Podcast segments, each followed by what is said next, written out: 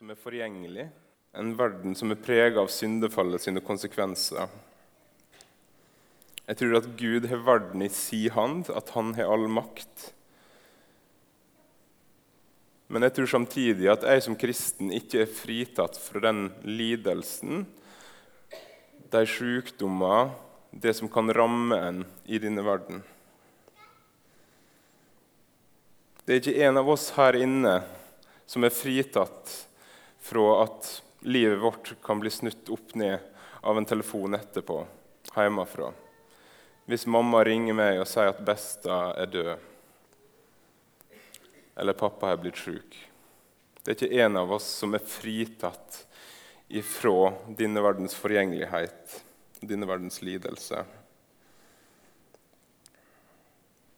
Det er ikke en av oss som kan vite om oss lever i morgen. Men Gud veit det. Han har talt alle våre dager, står det. Og til tross for lidelse og sykdom så tror jeg fortsatt at Gud er god. At han elsker meg og er omsorg for meg. En av lesetekstene til denne teksten om den blinde mannen er henta fra andre Mosebok, der Moses blir kalt til tjeneste. Og Moses sier du bør ikke sende meg, Gud, fordi jeg er ikke en mann av ord. Jeg er ikke flink til å tale. Sein er min munn, og sein er min tunge. Og Gud svarer dette. Hvem gir mennesket munn? Hvem gjør stum eller døv, seende eller blind? Er det ikke jeg? Herren. Jeg tror at Gud har kontroll. Men likevel så kjenner jeg, og kanskje kjenner dere også, at sånne tekster som det eh, kan være vanskelig utfordrende å forholde seg til. Men likevel, så, så hvis oss ikke har et gudsbilde der oss tror på en Gud som lar lidelse også ramme oss, hvordan skal vi forholde oss til den verden som oss møter, den verden som oss lever i? For jeg har opplevd, jeg vil tro du har opplevd, og kommer til å oppleve virkelig smerte, lidelse. Jeg vil tro at du har opplevd, og jeg vet at jeg har opplevd, tap. Jeg har opplevd at jeg har mista folk jeg var glad i. Jeg har opplevd at folk jeg var glad i og brydde meg om, ble syke eller ble ramma av lidelse på en veldig konkret måte. Og jeg tror at Gud så det. Jeg tror at Gud visste om det. Og jeg tror på en Gud som har makt til å gripe inn, men som ikke alltid gjør det på den måten som jeg syns virker best. For eksempel, eh, hvis jeg kan være såpass personlig, så må jeg si at for meg, som er en av de mange unge mannfolka som eh, ble velsigna og fikk utrolig mye av Gunnar Elstad og hans tjeneste som sjelsørger og som forsamlingsleder her i Misjonssalen, så syns jeg at han døde for tidlig. Men han er hos Jesus nå. Gunnar er hos Jesus. Og det som hjelper meg til å filtrere eller til å forstå dette med lidelse, det er akkurat det at jeg tror på en oppstandelse fra de døde. Det kristne håpet er ikke et håp om et problemfritt, enkelt, sykdomsfritt liv her og nå, men det er et håp pga. ei tom grav pga. et løfte om at en dag så skal Gud si nok er nok til alt det som er ondt, til all lidelse og ondskap. Det skal få en ende. Jeg tror at jeg skal få en kropp en dag som er uforgjengelig, som ikke er underlagt denne verdens begrensninger, men som er uforgjengelig, som aldri mer skal bli sjuk, som aldri skal gå til grunne. Jeg tror det når Bibelen sier at det kommer en dag der det, de tinga som var, ikke skal være mer. Der døden skal være oppslukt av livet, som Paulus skriver så nydelig. Jeg tror det når Bibelen lover at mitt og verdens mørke skal ta slutt, mens jeg og alle som hører Jesus til, skal være sammen med Han for evig, i den byen og på den jorda som åpenbaringa forteller oss om. Den som ikke trenger noe lys fra sol eller måne fordi Guds herlighet skal lyse over den, og lammet er hans lys. Men mens jeg er her, så vil jeg, og så vil du, møte lidelse, vanskeligheter, vonde ting. Men for en trøst det da er at Bibelen forteller meg at Jesus lider med meg i min svakhet. At han også vandra omkring her på jorda og ble prøvd i alt. At han leid for meg. Og for et håp og en trygghet det er at han har lova at en dag så skal det vonde ta slutt. Grunnen til at jeg ville starte denne talen over denne teksten på den måten, er at jeg tror Gud kunne gjort det slik at denne mannen som var født blind, ikke var født blind.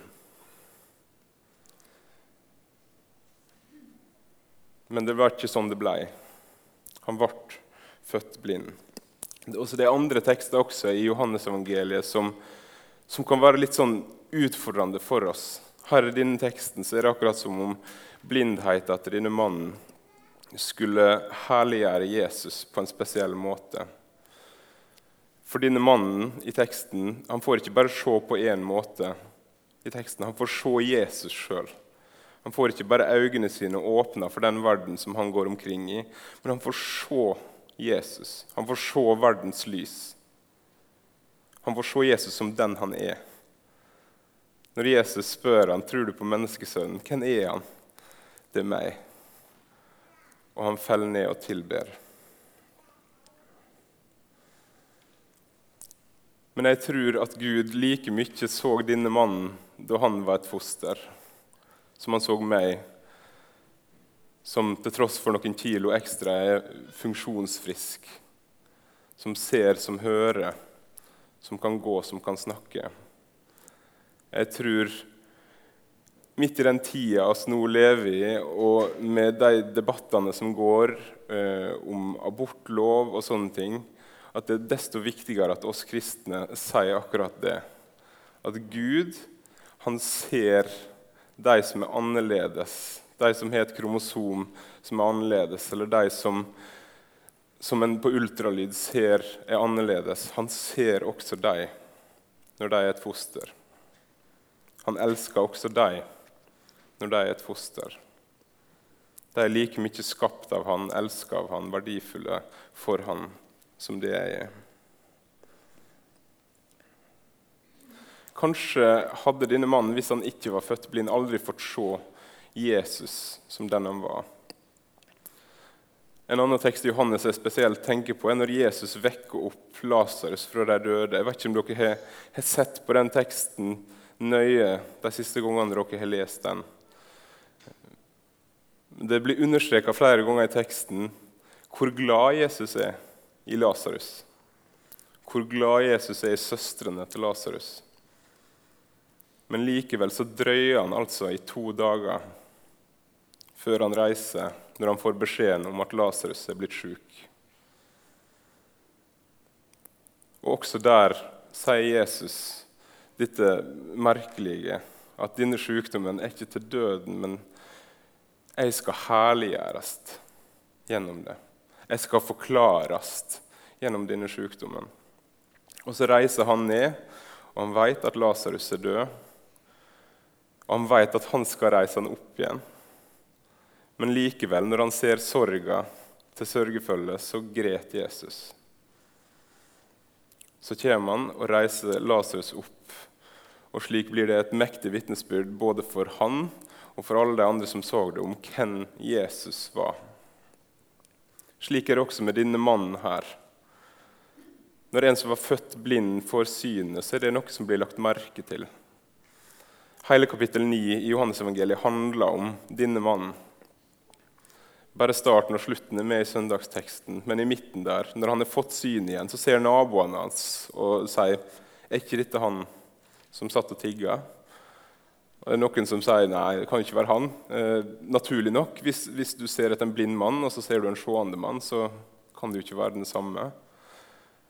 Eh, men han vitner sjøl. Det er jeg. Og så blir han hanka inn foran fariserene, fordi de vil høre hva, hva er det som har skjedd her. Og han forklarer. Jesus helbreder meg. Den forklaringa liker ikke fariserene, så de ber han om å gi Gud æra. Fordi Jesus er jo en synder sier de. Og så svarer denne mannen om han er en synder, vet jeg ikke, men dette vet jeg. Jeg var blind, nå kan jeg se. Og Så vitner han videre for deg om at denne mannen må være fra Gud, fordi hvis ikke kunne han ingenting gjøre. Og Så blir han kasta ut derifra. Og Det er der Jesus møter han igjen og spør han, tror du på menneskesønnen. Og Så faller han ned for Jesus og tilber. Denne mannen får ikke bare se, han får se. Han får se Jesus. Han får se Guds egen sønn. Han får se sitt og vårt eneste håp i liv og i død. Han får komme til å tro på han. Denne teksten starter med at Jesus ser denne mannen. Og så ser disiplene til Jesus at han ser på denne mannen. Og Det første de spør om, er hvem sin feil er det her? Hvem er det som er synder? Er det han, eller er det foreldras? Eh, de, de vil gjerne vite hvem det er som er skylda. Og Ofte er det kanskje sånn oss også tilnærmes det når vi ser andre mennesker som har det vanskelig. Er dette sjølpåført, eller? Hvem er det som er skylda? De ser blindheten til mannen som noe som må være en konsekvens av noe konkret, en eller annen spesifikk synd. Men Jesus, det er akkurat som at Jesus på en måte Fordi Jesus kunne svart pga. Adams synd er denne mannen blind. og det hadde vært sant, Men han går ikke dit i det hele tatt. Det er akkurat som han sier til oss som leser denne teksten, at oss heller ikke skal gå dit ikke se etter spesifikke synder for å forklare lidelse. Han svarer det, det er ingen av dem. Dere gir meg to alternativ, han eller foreldre, og det er ingen av dem som er riktige. Han kunne, han kunne lagt ut om hvordan synda kom inn i verden, hvor vide de konsekvensene av det var.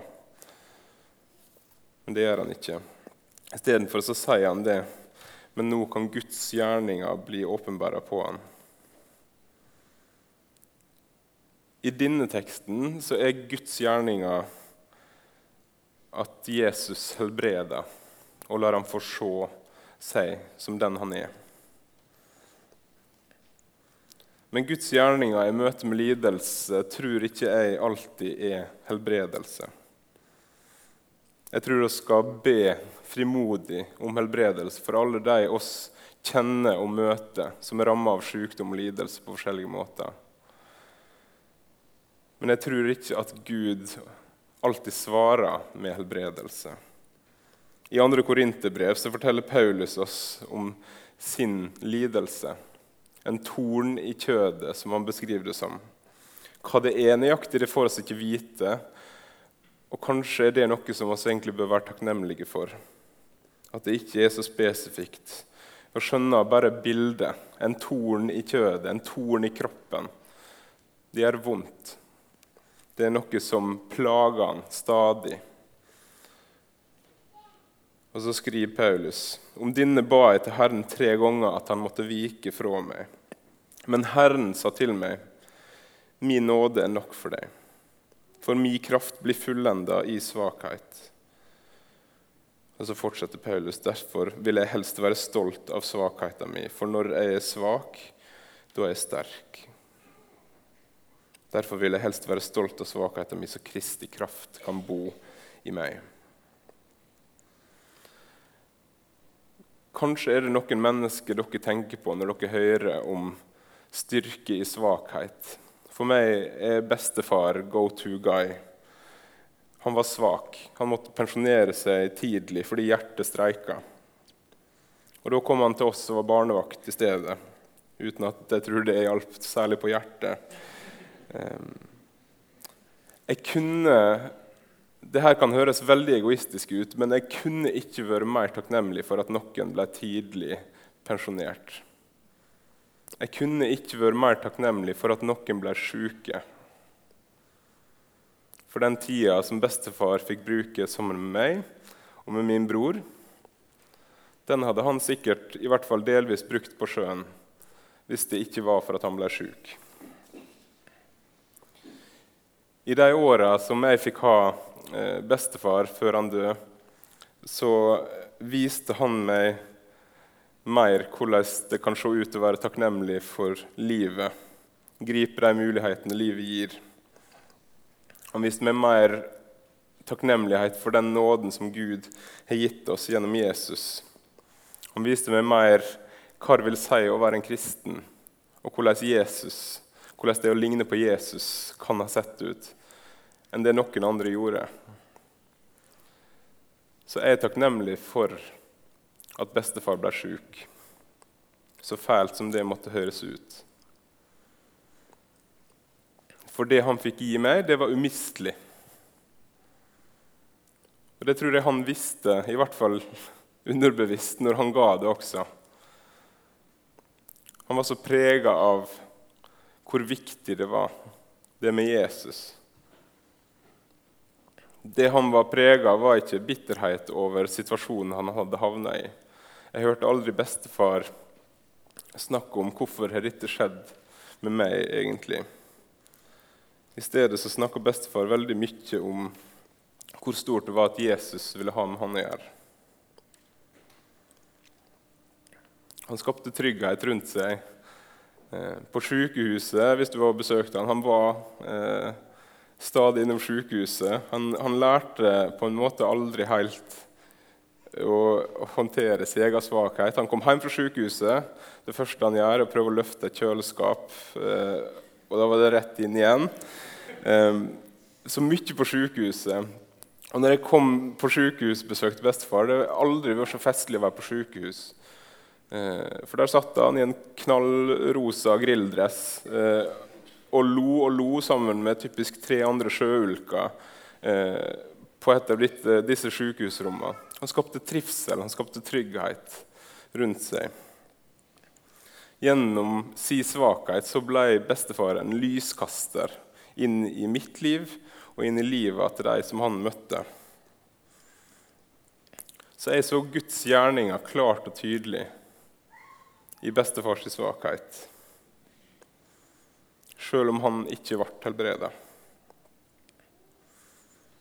Jeg tror Guds gjerninger kan være helbredelse, men jeg tror også at Guds gjerninger i vår svakhet kan bety akkurat det. At Gud viser sin storhet i vår svakhet. At oss får se i menneskets liv at når de er svake, så er de sterke.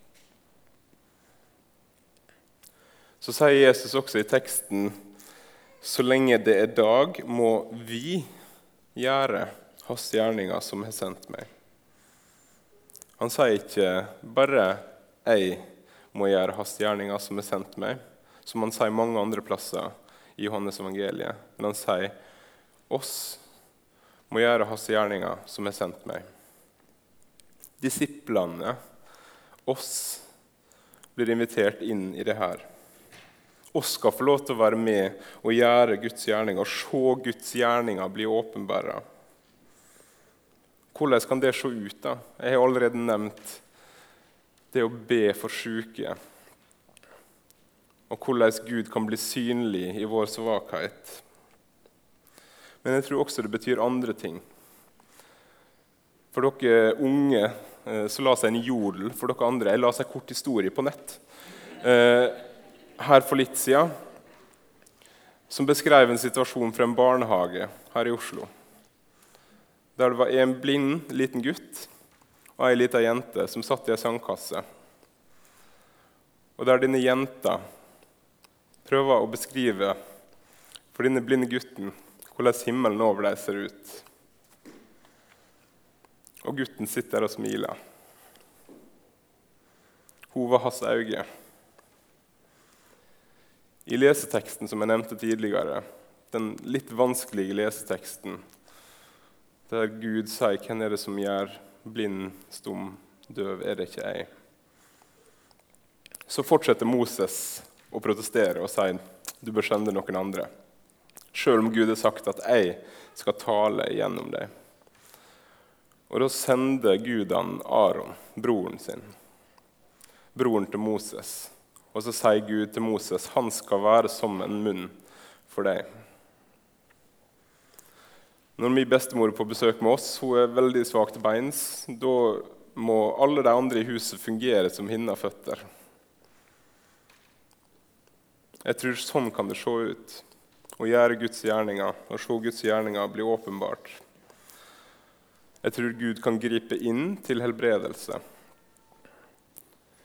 Men så tror jeg også det å se Guds gjerninger åpenbart hvis dere, hvis dere går inn på NLM.no og ser på Indonesia så er det et svært senter for psykisk utviklingshemma som NLM er med å drive der. I et land og en kultur der de blir tilsidesatt i stor grad. Der de veldig ofte sitter med en følelse av at her er det ikke plass til meg. Her er ikke, jeg er ikke nyttig nok. Jeg er ikke verdt noe. Og så får NLM gjennom sitt arbeid med det senteret være med og gi dem verdigheten tilbake og gi dem en plass der de kan høre til, og gi dem en plass der de får beskjed om at du er verdifull. Du er elska, og du er skapt av Gud. Og han ønsker å ha med det å gjøre. Jesus sier 'Jeg er verdens lys'. Og så sier han en annen plass til disiplene sine 'Dere er verdens lys'. Oss skal få være med. Oss skal få se Guds gjerninger bli åpenbart som hjelp og støtte, som sånne som forteller til mennesker som føler seg hjelpeløse og verdiløse, at oss kan hjelpe deg, og du er verdifull. Som i møte med trengende kan prøve etter beste evne å møte deres behov. Som er kalt til her i det kristne fellesskapet å bære byrdene for hverandre. Og så skal vi, sånn som Jesus gjorde med denne blinde mannen, ikke bare få hjelpe dem til å se at de er verdt noe, men vi skal få lov til å hjelpe dem å se Han. Han som er lyset. Jesus. At de får se Han som den han er, slik denne mannen fikk det. Guds egen sønn kom til jorda for å frelse oss mennesker. I Johannes 1 så står det lyset skinner i mørket, og mørket har ikke overvunnet. I møte med lidelsen og svakheten i verden rundt oss så har vi et håpets budskap å gå med. Og så et budskap om at ja visst er det mye lidelse og sykdom i denne verden, men en dag så skal Gud hente sine hjem han skal gjøre ende på alt det onde. Det skal ikke være noe mørke mer, det skal være lys. Det skal ikke være forgjengelighet mer, det skal ikke være død mer, men det skal være liv. Og det skal være uforgjengelighet. La oss be. Kjære Jesus.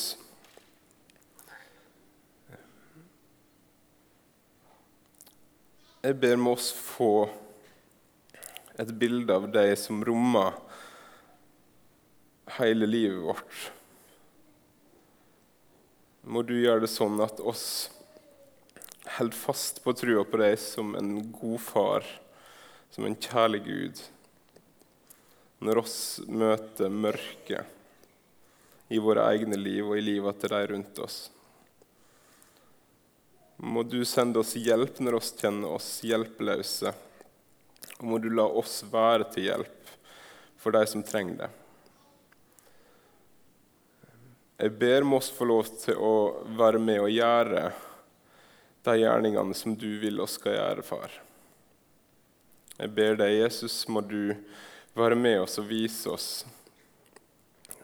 blant de mennesker som oss møter på vår vei, hvem det oss kan få lov til å vise noe av deg til. Så vil jeg takke deg for de mennesker som har vist oss med sine liv hvordan det å være sterk når en er svak, ser ut.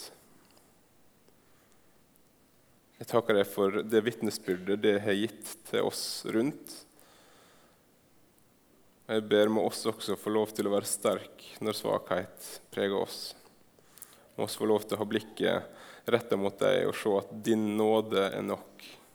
At du, Jesus, er nok i alle omstendigheter. Må oss få lov til å bli bevart hos deg. Må oss få lov til å vise andre at du er Guds sønn, vårt håp. I ditt navn, Jesus. Amen.